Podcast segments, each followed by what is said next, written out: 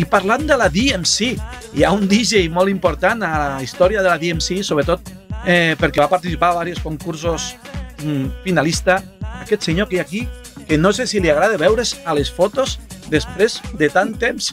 Mike, bona nit. Hola, bona nit, què tal? Com esteu? Lleida, hola, Manel.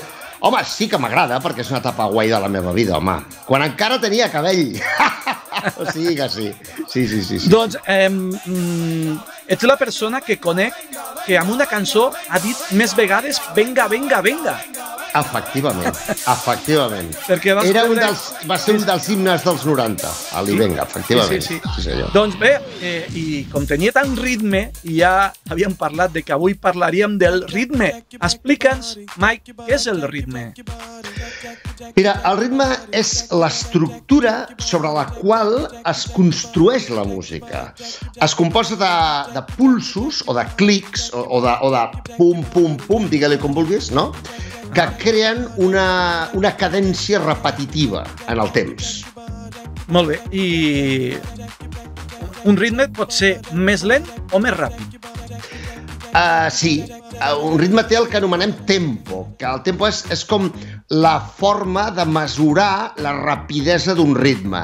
I es mesura en BPMs, en beats per minute, en anglès, que vol dir uh, cops per minut. Uh, és molt fàcil d'entendre, no? O sigui, uh, si un ritme és pum, pum, pum, és més lent que un ritme que sigui pum, pum, pum.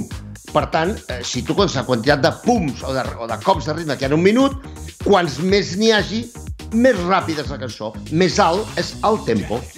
I el ritme té patrons eh, que es van repetint. M'equivoco?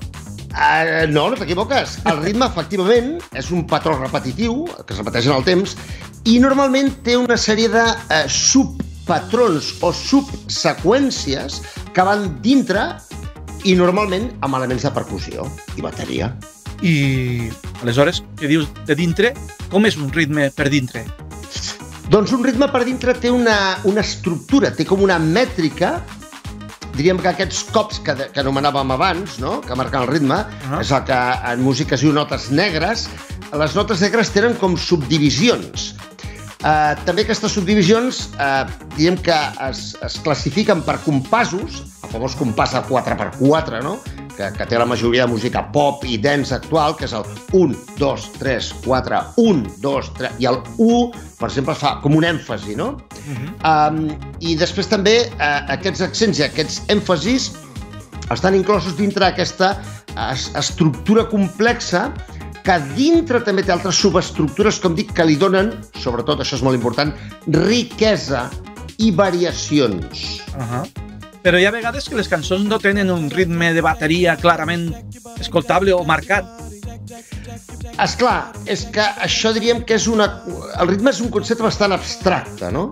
Tan abstracte, tan abstracte, que fins ara, eh, a nivell informàtic, ni tan sols amb intel·ligència artificial, hem estat capaços de, de programar una manera de detectar el ritme de forma artificial quan no hi ha una bateria o una percussió que eh, faci visible o escoltable aquest ritme. Dit d'una altra manera, un ritme no obligatòriament ha de ser escoltable.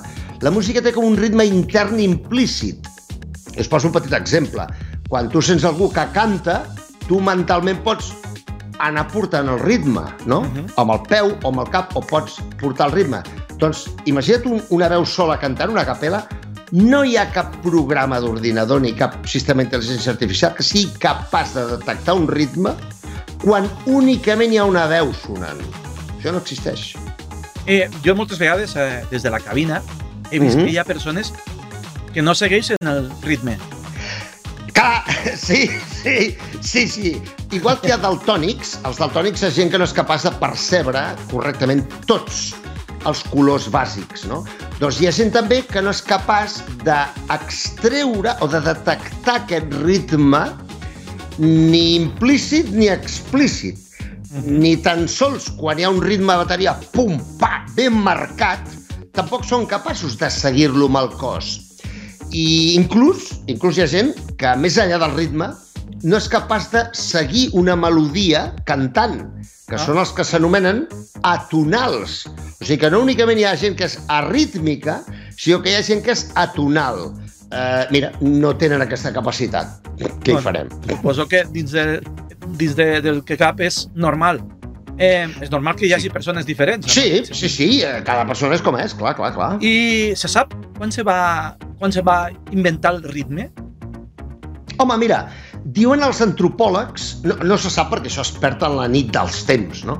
però diuen els antropòlegs que és molt probable que primer els humans inventéssim els ritmes, el ritme, i després inventéssim la música, inventéssim les melodies que quadren a dintre aquesta estructura rítmica. No? Clar, no podem saber, però intuïm que va per aquí el tema, que primer va ser el ritme, primer el ritme i després la música, després la melodia. I pot ser una cançó sense ritme? Pregunto. Pot ser, o sigui, eh, o sense ritme o amb un ritme eh, que va variant constantment i és molt difícil de seguir, molt difícil de percebre. Això és el que s'anomena ad libitum, que ve d'un terme llatí que significa a voluntat o amb llenguatge normal, a tu rotllo o a tu bola. Ja. Són aquells, aquella gent que comença a cantar una cançó, intenta seguir el ritme i, i, i canten on volen del ritme, no? Doncs això s'anomena cantar ad libitum. I efectivament existeix. És poc habitual, però existeix. Sí, ja que dius això, per què ens agrada el ritme i per què ens fa ballar? Doncs mira, el ritme ens agrada a tots els humans, eh, pràcticament, eh, jo diria que a la quasi totalitat d'humans, Mhm. eh, com dius tu, el, ens mou. I és perquè els humans tenim una empatia psicològica pels patrons repetitius.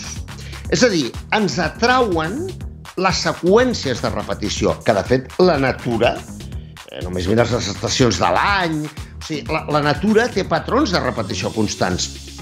I els patrons de repetició que més ens agraden, que més ens atrauen, són aquells que es repeteixen, però amb petites variacions. Ahà. Aleshores, és per això que ens agrada la música pop i, i té tant èxit a, a tot el món. Eh, sí, és que efectivament un ritme d'èxit, o igual que una cançó d'èxit, consisteix en repetir el mateix moltes vegades amb petites variacions, com he dit. I això és el que converteix la música i els ritmes en una cosa familiar, en una cosa que coneixem. Clar, tant repetir se'ns fa familiar, m'entens? O sigui que el secret de la repetició, igual que fa la publicitat, és la repetició, precisament. Sí, efectivament. I no vull El repetir gran- una altra vegada el que acabo de repetir. El gran secret, efectivament, el gran secret, com dius tu, igual que la publicitat, és la repetició.